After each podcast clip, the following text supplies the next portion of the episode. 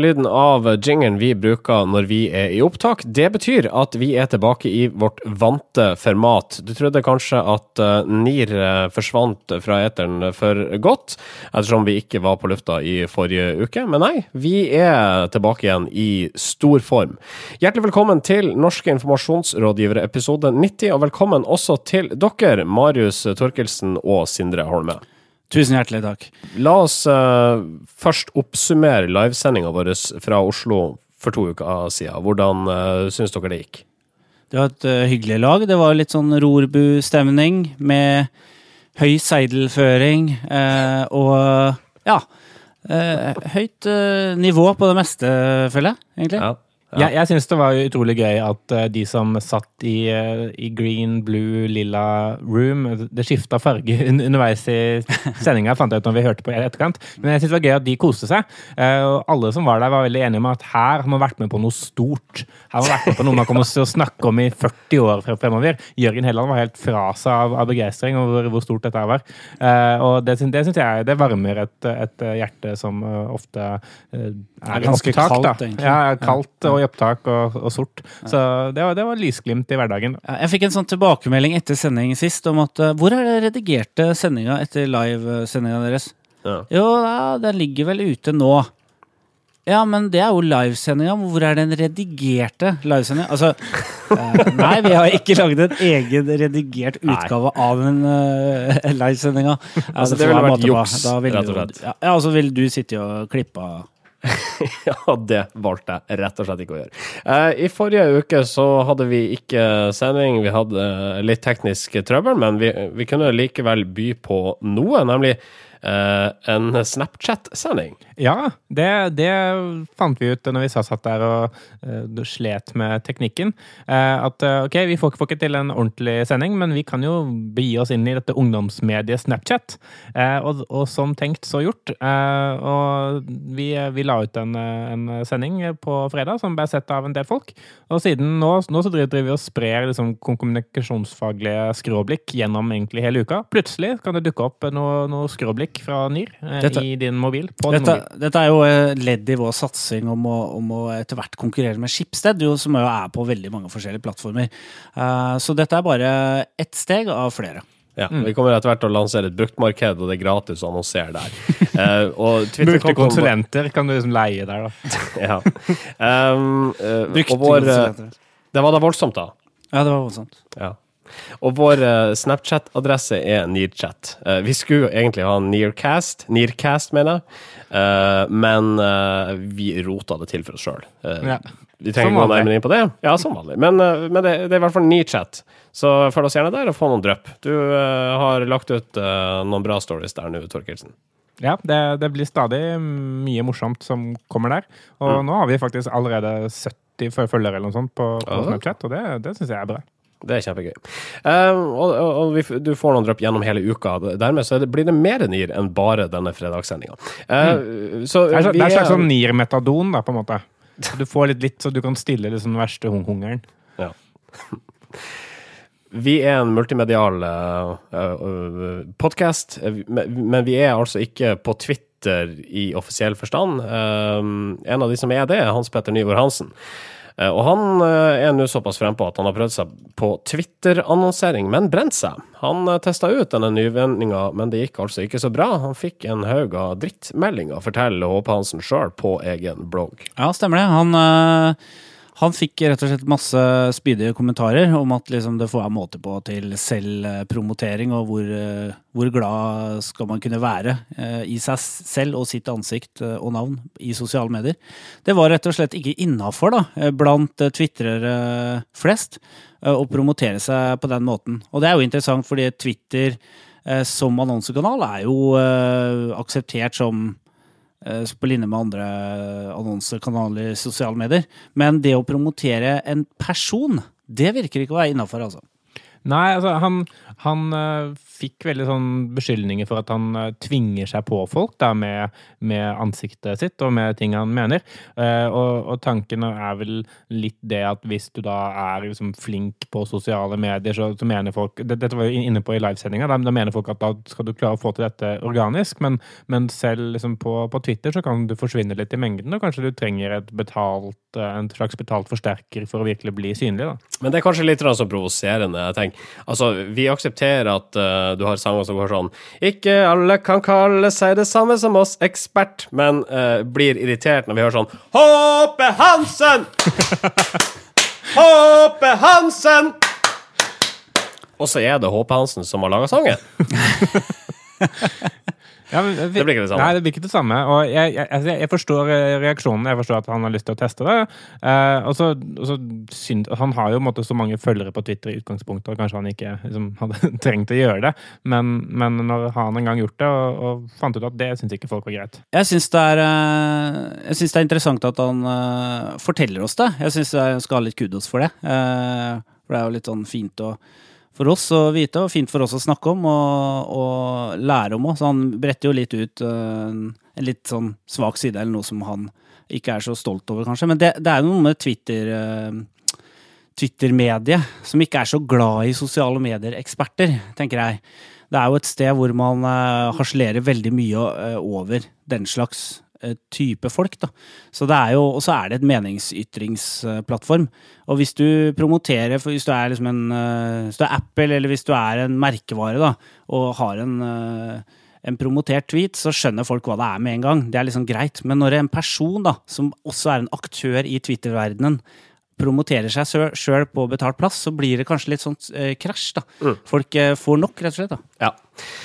Um, vi følger denne utviklinga med spenning, altså utviklinga med betalt eh, annonseplass på eh, Twitter. Og så gir vi en klapp på skuldra til Håpe Hansen for også å dele eh, ja, disse baksidene av eh, de mange medaljene. Eh, og vi har snakka om uh, Stena Lines kreative reklame i en tidligere sending. De reklamerte nemlig på store boards med at de nå har tilbud på det du vet om bord i danskeferjene. Og nå krever Helsedirektoratet svar på nøyaktig hva er det dere mener med det du vet? Ja, eh, dette, må jeg si at vi forutsa at kom til å skje. For det er jo sånn derre ja, vi snakker teknisk sett ikke om alkohol, vi sier det du vet. Blunk, blunk. Men, men eh, alle vet jo at det handler om alkohol, og nå har Helsedirektoratet reagert, som, som jo kom til å skje. Ja. Og det Stenaren sier fortsatt, er at vi har jo andre ting i eh, taxfree-shoppen. Vi har alkohol, vi har godteri, vi har parfyme. og alkohol Nei, altså, det, er jo, det er jo alkoholreklame, og dette kommer du til å få en bot for, sannsynligvis. Ja, helt, eh, helt sikkert. Uh, og nå kan jo for så vidt uh, takke vaktbikkja NIR for at det her kommer fram i lyset. Ja, det kan du virkelig gjøre, for, for, det var jo vi som fant ut av dette her. Ja, det var vi som leste saken på VG først, og brakte den inn i kommunikasjons... Kall det sirkelen. Ja. Men nå har jeg altså Helsedirektoratet bedt om svar, og uh, den her manisk-depressive, tilsynelatende kommunikasjonsrådgiveren du har hørt ifra, i alle fall, Marius hos Stena Line kommer til å gi direktoratet svar. Eh, men eh, tror dere det, det blir iverksatt noe tiltak mot Stena Line her? Eh, kan de vente seg en bot, eller er det innafor? Det er jo ikke, det er ikke greit. Det er jo det er helt tydelig at de snakker om alkohol. Så, så det vet jo ikke du? Jo, det vet jo det. Det er, det jo det de selger. Altså, sånn, det er det første, altså Så lenge assosiasjonen er så sterk, da. første alle tenker, er alkohol. Da er det alkohol. Uh, Nei, jeg tror vi må komme oss i gang. Vi har ikke mer tid. Uh, velkommen til uh, Norske informasjonsrådgivere, episode 90. Norske informasjonsrådgivere. Vi skal til Hamar først, hvor Hamar Dagblad tirsdag fikk mange til å sperre opp øynene. Uh, de har nemlig solgt hele første og siste sida til annonser for kjøpesenteret CC Stadion, som nylig har åpna dørene. Uh, og I tillegg til det så har de fylt avisa med til sammen 27 sider redaksjonelt innhold om åpninga. Dette er ikke greit, mener enkelte. Nei, det er det flere eh, pressefolk som, eh, som går veldig imot. bl.a. blant annet Kjersti Løkken Stavrum, eh, som er generalsekretær i Presseforbundet. Og Gunnar Bodal Johansen, eh, som også er, eh, jobber med presseetikk. Og, og det er eh, veldig spesielt da, eh, at en avis eh, legger så mye vekt på én hendelse. Eh, og det de mener, er jo at eh, sånn, her er syv, sju saker som handler om kjøpesentre, og det er intervjuer med innehavere av butikker på kjøpesentre og sånn, og de mener at dette er, tekst, dette er sponsa. Det burde vært merka som annonser. Men det er jo ikke redaktøren da i Hamar Dagblad enig i, for han mener dette er redaksjonelt stoff. Det, eh, jeg har jo akkurat det her med å selge hele forsida til annonser, da. Det husker jeg så første gang husker jeg så en sånn finsk avis en gang. Jeg var i Helsinki. Det var liksom Finlands største avis, Helsingin Sanomat, solgte hele, hadde hele forsida var en bilannonse. Eh, men det var helt tydelig en annonse. Her kan man jo kanskje begynne å lure. Eh, når man ser førstesiden, er det en annonse, eller er det en forsøk på en sak?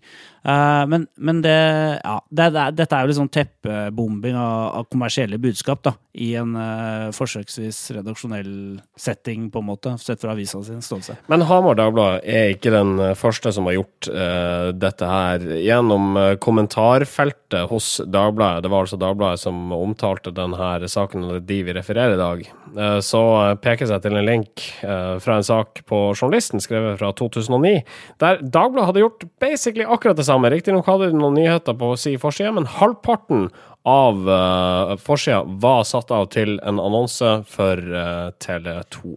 Hva er det som egentlig reageres på her? Er det det faktum at for, for, uh, første og siste side er solgt som reklame, eller er det at man klarte å skvise ut 27 sider, uh, sider redaksjonelt stoff av i kjøpesenteråpning?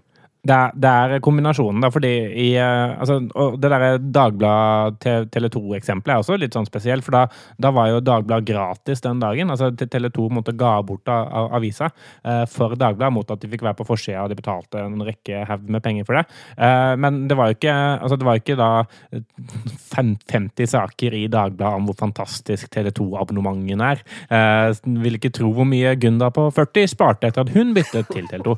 Eh, men, men eh, i Hamar Dagblad-åpningen så var det jo altså Når forsiden da er en reklame for et senter, og alle sakene omtrent i avisa handler om senteret, så vil man jo nesten tro at det er en senteravis. Altså Hvis man hadde fjerna Hamar Dagblad-tittelen fra forsida, så hadde det bare vært liksom kjøpesenteravisa.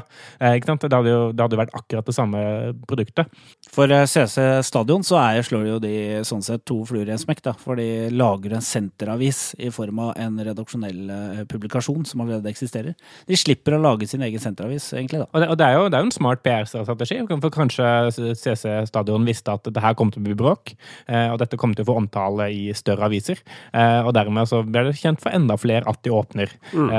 og dermed så får man spredd budskapet sitt gjennom bråk. Det, det har jeg veldig tro på. Ja, jeg tror den type aviser, sånne gratisaviser som det der, har drevet med denne typen ting i mange år, men det er først nå eh, presseetikere, holdt jeg på å si, og den type folk begynner å se litt nærmere på det. Ja, For alle er på vakt. ikke sant? Alle Ja. skal, å, nå er, er det noen som gjør, gjør noe galt nå. Skal vi, skal vi, skal vi finne, kan vi finne en ny sånn der content marketing-versting vi kan hoppe på?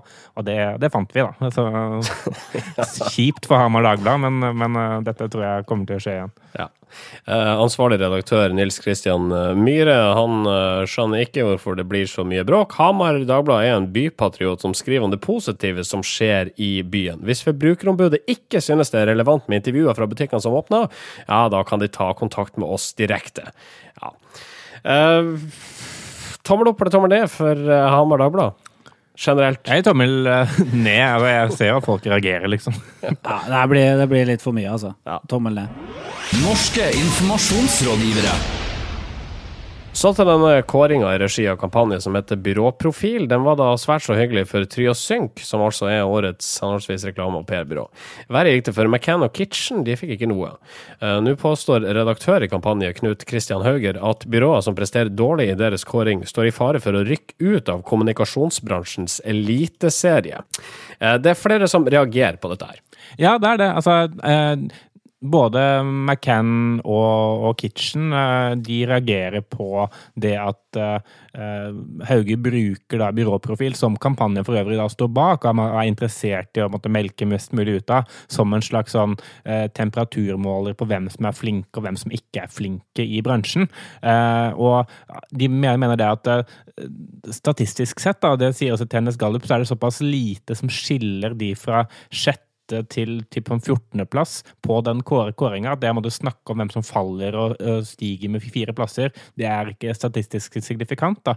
Og når han da bruker det for å si at det går dårlig i McCann, det går dårlig i Kitchen, så er de ikke enig i det. Og syns det, det maler mot et feil bilde av dem som byråer. da. Det er jo den største annonsøren i Norge som har svart på spørsmål om en, en del byråer innenfor PR, mediebyrå og, og reklame. Uh, så det er deres syn da, som reflekterer uh, hvor man kommer på den kåringa her. Uh, og det som jeg kanskje tror Kitchen og McCann reagerer spesielt på, det er en påstand om at har man liksom rykka ned fra Eliteserien, så tar det lang tid å komme opp. med andre ord sier Hauger at Kitchen og McCann de kan ikke regne med å liksom hevde seg blant de beste byråene på en, på en stund, da, eller på flere år. Og det reagerer jo Håkon Dahl i Kitchen på, for eksempel, for han mener at de vinner priser, og de leverer fortsatt gode kommunikasjonsjobber, men det har vært litt tumulter. ikke sant? De har mista en del folk. Eh, det har også McCann gjort. Eh, så det, er jo en del av det på en måte, Kampanje er jo eh, både bukken og havresekken her på en måte, på flere måter. For det, er jo de som skriver bransjenyheter om disse byråene også. så på en måte de, de har veldig mye makt her, da. Uh, og jeg synes, jeg tror at uh, Knut Kristian Hauge skal være litt forsiktig med å være så veldig bastant. da, uh, For at han er i ferd med å liksom tabloidisere hele byråprofilkåringen ved å snakke så enkelt om, om de her resultatene og om rangeringen. Ja, men også samtidig så, kan jeg godt forstå at han gjør det, for det er jo mye godt stoff i det. Det er en, sånn, det er en interessant kommentar å lese for oss som liksom ikke er helt sånn innvidd eh, i det i, i første omgang, når han skriver om liksom, spekulerer, i hvordan de ulike byråene gjør det, og hvem som er på vei ned i, i sumpa. Eh, så er det, liksom, det er interessant å lese fordi, for det er vinnere og tapere. og Det at han bruker hele den fotballanalogien i kommentaren sin, gjør, gjør, det veldig lett å følge. Men eh, sannsynligvis så føler de som blir omtalt negativt her, at han maler med litt for bred pensel. Men det, det, som, det, som, eh, han kunne gjort, da, det er å ta tak i Han kunne skrevet om den kåringen på en måte som hadde gjort at kåringen hadde fremstått enda bedre og mer solid. da. For det er jo en del forskjellige kriterier man har eh, man bygger kåringen på. Blant annet liksom evne til å tenke originalt, uh, hvor sterk man er strategisk osv. Det er interessante ting å se på. For du kan du kan gå inn på, uh, på data, dataene som er henta inn, og så kan du se hva, hvilke byråer scorer Eh, best på de forskjellige parametrene, og det er interessant. Fordi det, det, hadde gått an å diskutere. ikke sant? Hvilke byrå er nå har svekka seg på strategi, f.eks. Den type ting. da, Det er jo interessant. Men jeg syns det blir for uh, enkelt, da og si at ja, nå er de rykka ned av Dekkoligaen og kommer nok aldri, eller kommer nok ikke opp igjen på en stund. Hele, hele, den måten å snakke om kåringen på er noe som tydeligvis engasjerer folk på en eller annen måte. Altså, det, er jo, det, er godt stoff for kampanje, uansett hvordan man vrir og vender på det. Altså, men hvis det, hvis det, svekker legitimiteten til kåringen, så det tror jeg skal mye til. Da, fordi eh, de som vinner denne kår kåringen er veldig interessert i å holde den i hevd. ikke sant? Fordi, og de som gjør, gjør, det dårlig, er interessert i å svekke legitimiteten til den, fordi de gjør det jo dårlig. Uh, og, og sånn, sånn, er det jo litt med sånne type ting. Jeg har én ting til, ja. og det er For det første, altså navnet byråprofil, det syns jeg ikke noe særlig om. Uh, jeg syns det burde hett noe sånn som Årets byråprofil, Byråprofilen eller noe slikt. Altså ubestemt entall fungerer ikke.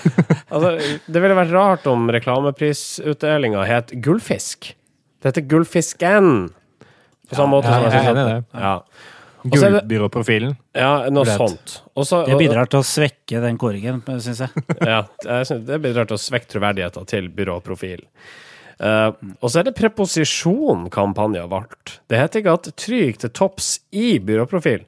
Nei, det heter på byråprofil. Ja. ja. Det er både på en liste det er vanskelig å si hva de har tenkt. Dårlig preposisjonsbruk uh, fra kampanjen. Altså. Ja. Både mangel på artikkel og på riktig preposisjon. Det um, står til stryk, da. Ja. Og det svekker denne kampanjen, nei, kåringa. Ja, uten tvil. Altså, Det setter jo kampanje ned i Adecco-ligaen. Nå er det bare Kreativt Forum som gjelder, spør du meg. ja, jeg hadde ikke Når Kreativt Forum kom med en byråkåring, da, da, da snakker vi. Da snakker vi. Det blir bra. Eh, tommel opp eller tommel ned for byråprofil? Både navn og innhold. Jeg gir tommel opp. jeg. Ja, det er litt Kjempegøy. gøy. Det er litt gøy. Norske informasjonsrådgivere. Så til eh, taxitjenesten eh, Uber, eller Uber, jeg er litt usikker. Eh, den har de fleste hørt om nå. De har vært i hardt vær lenge, og det har ikke blitt bedre etter at sjefen i selskapet, Emil Michael, foreslo at de bør ansette noen til å grave frem smuss på journalister, rett og slett for å gi dem en smak av sin egen medisin. En navngitt kvinnelig journalist var blant dem han mente de burde finne noe komprimitterende informasjon om, og spre dette. Ytringa falt i en middag eh, i det han trodde var en samtale off the record, men det var det, slett, det, var det da slett ikke, for BuzzFeed var blant dem som var der. Ja, eh, BuzzFeed var jo invitert til, til denne, denne middagen, som var en slags sånn offisiell middag for å feire en eller annen eh, politiker. Eh, og eh, de hadde ikke i forkant fått fortalt at alt som sas i denne middagen skulle være off the record, så de, regnet med at alt som ble sagt der var offisielle uttalelser. Eh, og når da vedkommende toppsjef holdt jeg si, i Uber sier det at eh, Uber eh, vurderer å hyre inn privatetterforskere for å finne så mye dritt i privatlivet til eh, journalister som er kritiske til dem. Bare sånn fordi eh, når de er kritiske mot Ibu, så kan vel Ibu være kritiske tilbake. Eh, det, det, burde, bare- det burde jo være lov. Og det selvfølgelig ble det jo en del bråk rundt. Det var jo, ikke, det var jo flere journalister der. Ariana Huffington, som starta Huffington Post, var jo også på den middagen. Men jeg reagerer på bruken av begrepet off the record. For jeg mener, uansett, hvis det er journalister på den middagen her, så er det ett fett. Eh, på en måte om de skal legge, eh, ta pennen fatt eller legge ned, liksom. Eh, for off the record er et begrep man bruker liksom overfor journalisten hvis man har noe man har lyst til å fortelle journalisten, mens man ikke vil at journalisten skal sitere deg på. Det de egentlig ilegger folk her, det er et referatforbud.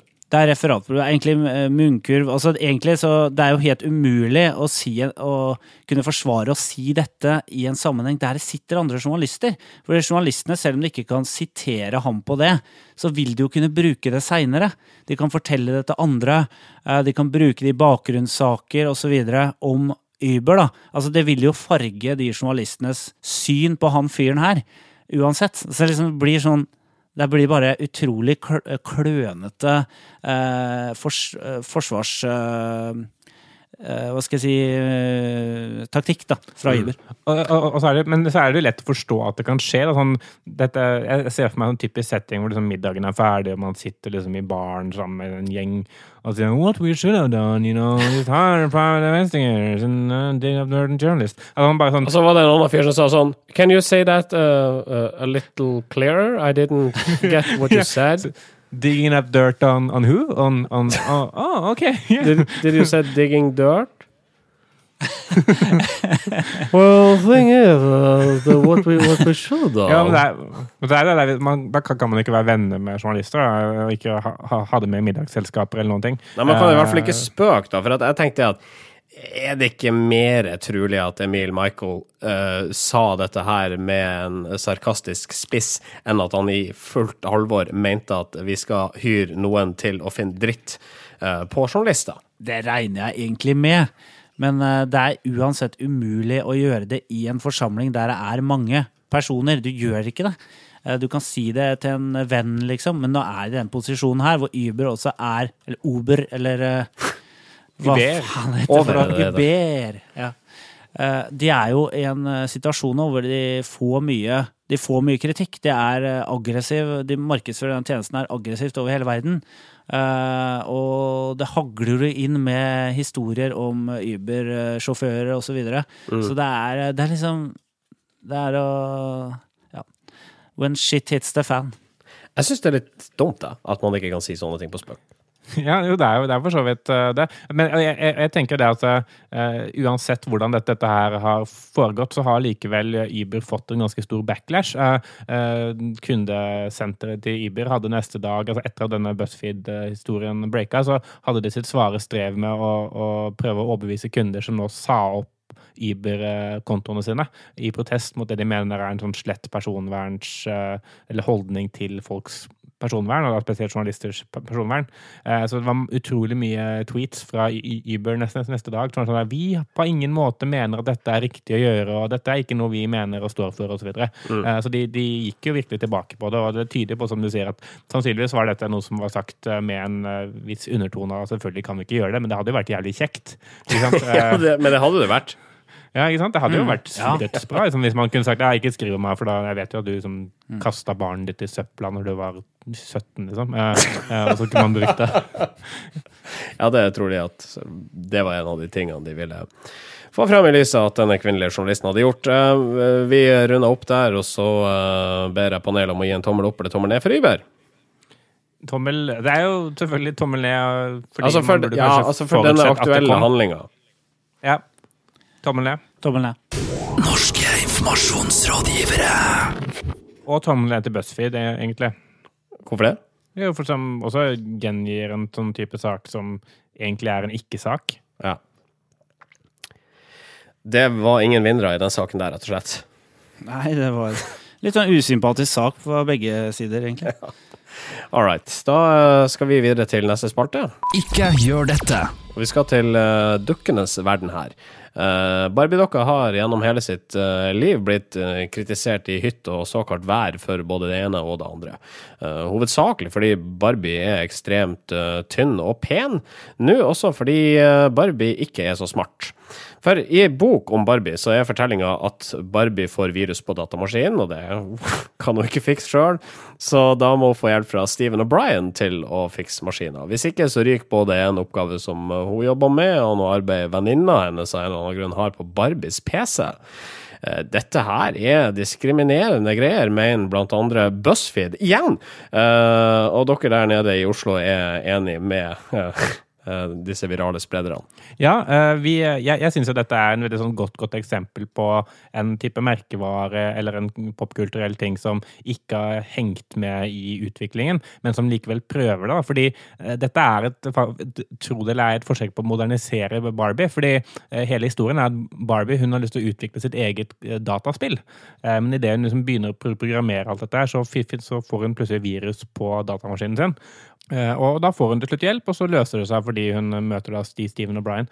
Eh, og dette, dette reagerer jo eh, Det ble plukka opp først på Amazon.com, hvor, hvor Random House selger disse, disse bøkene.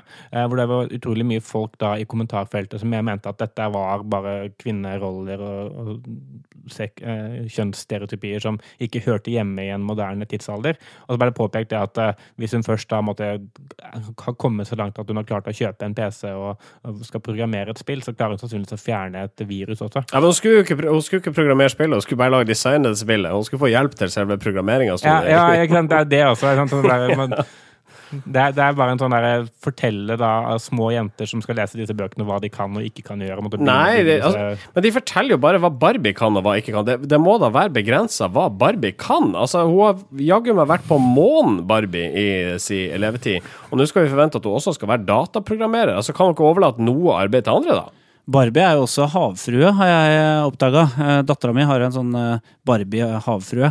Så det er, ikke, det er ikke lite Barbie kan få til, for å si det sånn. Eh, og egentlig også kan rett og slett transformere sin egen kropp til å bli et eh, annet eh, type en annen type vesen, da. Ja, men, men altså, Mattel, har jo, ja, Mattel har jo beklaga dette her ja, det nå i etterkant. Ja. Uh, la meg være djevelens advokat litt. Altså Hvis Barbie skulle ha skrevet en CV Så ja, jeg er Barbie, jeg er for alltid 19 år, jeg har vært på månen, jeg er designer. Uh, for øvrig se vedlagt bilde. Eh, men jeg kan ikke Jeg er ikke så god på dette her med dataprogrammering. Er ikke det en ærlig sak? Jeg er ikke god på dataprogrammering. Nei, men, men uh, dette, dette er likevel altså, Måten det blir fremstilt på i den, denne boka, så fremstiller man altså, det, det, er i hvert fall lett å, å, tolke det i lys av at det er eh, en hjelpeløs kvinne som trenger hjelp av menn når ting blir litt sånn for komplisert for den lille hjernen hennes. Eh, og det er sånn mange har tolket det, og mange har oppfattet det. og så kan man jo kalle det et storm i et vannglass, eller så kan man si at dette er et, er et problem i tiden. Uansett så, så har jo ikke Mattel eh, og, og Random House smiret til boka plukket opp at det er noen underliggende strømmer her som gjør at eh, de må kanskje være nødt til å endre eh, produktet sitt da, en endre måten de skal måtte prøve å tiltale en, en målgruppe på. og Det, det er noe svikt på sånn grunnleggende målgruppeinnsiktsmessig. da. Ja, Det er rett og slett at de har for dårlig innsikt i målgruppa si. Det er det vi sier ikke gjør dette til. Men kan vi være enige om at uh, det er et uh, en slags likestillingshysteri i samfunnet, da? Jeg syns det. Jo, det kan jeg godt si, men det er jo i utakt med liksom tidsånden som tilsier at kvinner kan gjøre alt det menn kan. Eh, det, er, det, er liksom, det, det, virker som de har utvikla Barbie i et, lab, eh, måte, i et, akvarium, eller hva skal jeg si, i et eh, drivhus der ikke noe annet slipper til enn 50-tallets verdier. Så det er jo liksom det, da, at det virker som Herregud, hva er det for en karakter som liksom ikke Eh, ikke liksom er i takt med hvordan moderne kvinner ønsker å være. Og hun kunne jo fått hjelp av en, kvinne, en annen jente til å fikse dette problemet. Sånn, Altså, ja, ikke sant? Det, det fins jo, det jo den muligheter for det. Jenta, ja, den er stygge sånn, Med briller og kviser. Ja. Det, det, er jo typisk de som kan ja, PC-programmering. Eh, det er ikke sikkert hun kjente noen kvinnelige IT-teknikere, men jeg er sikker på at hvis Barbie da hadde kjent en kvinnelig IT-tekniker, så ville hun valgt den kvinnelige fremfor den mannlige, rett og slett av hensyn til um, dagens likestillingsdebatt. Ja, og, og, så er det jo det er viktig, viktig hvordan boka slutter. Da, for Hun ender jo opp med å ha trekant med Steve og Brian. Det syns også folk var upassende. Ja, det, det, det, forstår jeg jo, men det, det, er jo sånn det slutter. Det er jo, det er jo er veldig realistisk, men, men jeg, jeg, forstår man må, plukke opp disse, disse tingene da, og altså, endre seg. Altså, Barbie, Barbo, Barbie, må jo betale for de, altså, for de tjenestene hun har fått. Ja, og det er helt naturlig at det ender på den måten. Jeg forstår det, men det er bare det er unødvendig kanskje å ta med denne delen av historien i boka. Da. All right. Uh, men uh, Mattel og, utgiveren de har rett og slett ikke forstått at dette her er dårlig for business, så um, ikke gjør dette. Ikke gjør, det. ikke gjør dette. Ukas kudos. Uh, og kudosen går til den tyske byen Wunsiedel, um, hvor nynazister i flere tiår har uh, møttes hvert år for å marsjere gjennom gatene. Det gjør de fordi Rudolf Hess, en av uh, Hitlers mange høyre hender, er gravlagt her. Innbyggerne har med årene blitt lei av disse nazimarsjene, og du vil aldri tro hva de gjorde for å få nazistene til å slutte med slikt. Ja, de, de valgte å henge opp en rekke bannere langs den ruta hvor eh, nynazistene skulle gå. Og der sto det kort og greit at for hver meter som dette nynazisttoget marsjerte, så donerte de én euro til, eh, til, organisasjoner som kjemper mot nynazisme. Så så det ble en veldig sånn eh, en veldig sånn pickle på, for disse nynazistene på hva de skulle gjøre. da, fordi Enten så kunne de gå, fremme saken sin og samtidig aktivt arbeide mot den, eller la være å gå og måtte da være akkurat der de var fra før. Ja, fantastisk eh, tiltak. Det var jo eh, det markert også i asfalten, så det var umulig for det her nynazistene å ikke se det budskapet. Om at de så at jo lenger det gikk, jo mer samla de inn penger til denne organisasjonen. Og de samla til sammen inn 10 000 euro til arbeidet mot seg selv, som det sto i saken. Ganske bra. ja. Men de fullførte altså marsjen? Ja, og, og dette, er sånn, dette er en sånn type måte å kjempe mot disse problemene som jeg har veldig sansen på. Fordi sansen for, mener jeg, ikke sansen på. Det var dårlig Oi, ikke dra en kampanje nå. Sansen nei, nei, nå følte jeg meg plutselig veldig kampanjeaktuell her. Ja. Men eh, jeg har veldig sansen for det fordi det går mot å ufarliggjøre noe, framfor liksom å, å, bygge opp en skummel fiende. ikke sant? Eh, vi må snakke om disse skumle nynazistene som kommer, og vi må, liksom, vi må sørge for å kjempe mot dem. og Man, man må bruke med sånn krigsmetaforer. da. Men isteden gjør man dem liksom stakkarslige og usle og sånn morsomme, nesten. da. Eh, fordi det er en veldig sånn lett ting også for oss å identifisere oss med. Det der, denne, dette dilemmaet på hva de egentlig må gjøre, selv om vi ikke er nynazister selv uh, lenger. Så, så, er det i hvert fall vanskelig for oss, eller lett for oss å måtte skjønne at det var et problem for dem, og, og ser det komiske i en sånn type situasjon. Og det latterliggjør hele bevegelsen litt. Mm, mm. Uh, og vi uh, refererer altså, eller vi siterer altså BizBuzz for første gang i Nirs historie nå. For det er altså BizBuzz, dette virale nettstedet til DN, som melder dette her, og uh, som igjen da siterer The Washington Post. Ja, og det, og det må sies. Uh, BizBuzz er jo det desidert best av disse virale nettstedene. Skal vi ta en uoffisiell kåring akkurat nå? Ja, jeg vil nominere Bispers til den beste eh, norske viralnettsiden så langt. eh, og de er milevis foran eh, både eh, Superlike og Buzzit og den, eh, den nye viralnettstedet fra Bonnier som heter omsnakket.no. Eh, hva nå enn det betyr. Baksnakket. Ja, Kanskje. ikke, ikke omtalt der, altså, men omsnakket. Og kurosen går altså til eh, innbyggerne i den tyske byen Wunsiedel, og vi eh, sier til lykke. Norske informasjonsrådgivere. Det er ikke noe mer vi, eh, det er ikke noe vi har glemt å prate om nå, er det? Tror ikke det. Vi må jo bare gjenta at vi er på Snapchat og Facebook og alt det der. Ellers er det vel ikke noe vi har sånn glemt, tror jeg. Nei. Da kan vi gjøre det en litt sånn mer, mindre mumlende tone. Du finner oss på facebook.com slash nearcast, og du finner oss uh, nå også som uh, Snapchat-aktør. Nearchat. Nearchat er altså brukernavnet vårt der. Søk oss opp. Uh, kommer det noe drypp gjennom uka, Torkelsen? Det gjør det. Eh, det å, hver gang det er noe morsomme drypp, så kommer vi til å spre det ut eh, til alle våre følgere. Og i tillegg så kan dere da ha en slags interaksjon med oss på Snapchat. Dere kan sende oss forslag til saker, eh, meninger om sendinger, nakenbilder og andre, ting som dere finner for godt å, å sende. ja. um, takk til Sverre Alm som tipsa oss om kudosen denne uka. Gikk i klasse med ham før i tida, faktisk. Ehm, og du kan sende oss en e-post. Uh, nearcast Ja, det kommer det sannsynligvis aldri til å gjøre, men du kan, du kan gjøre det. Det føltes nesten like gammelt som sier du kan sende oss post. Det føles litt gammeldags i dag. Bruk Facebook. Det er mye lettere for oss også. Ja. Vi klarer aldri å huske det brukernavnet og passordet på den Yahoo-kontoen vår. Men, men. Sånn er nå det. Vi sender ut, og så høres vi igjen eh, om ei eh, uke. Ha det godt. Ha det godt, da. Norske informasjonsrådgivere.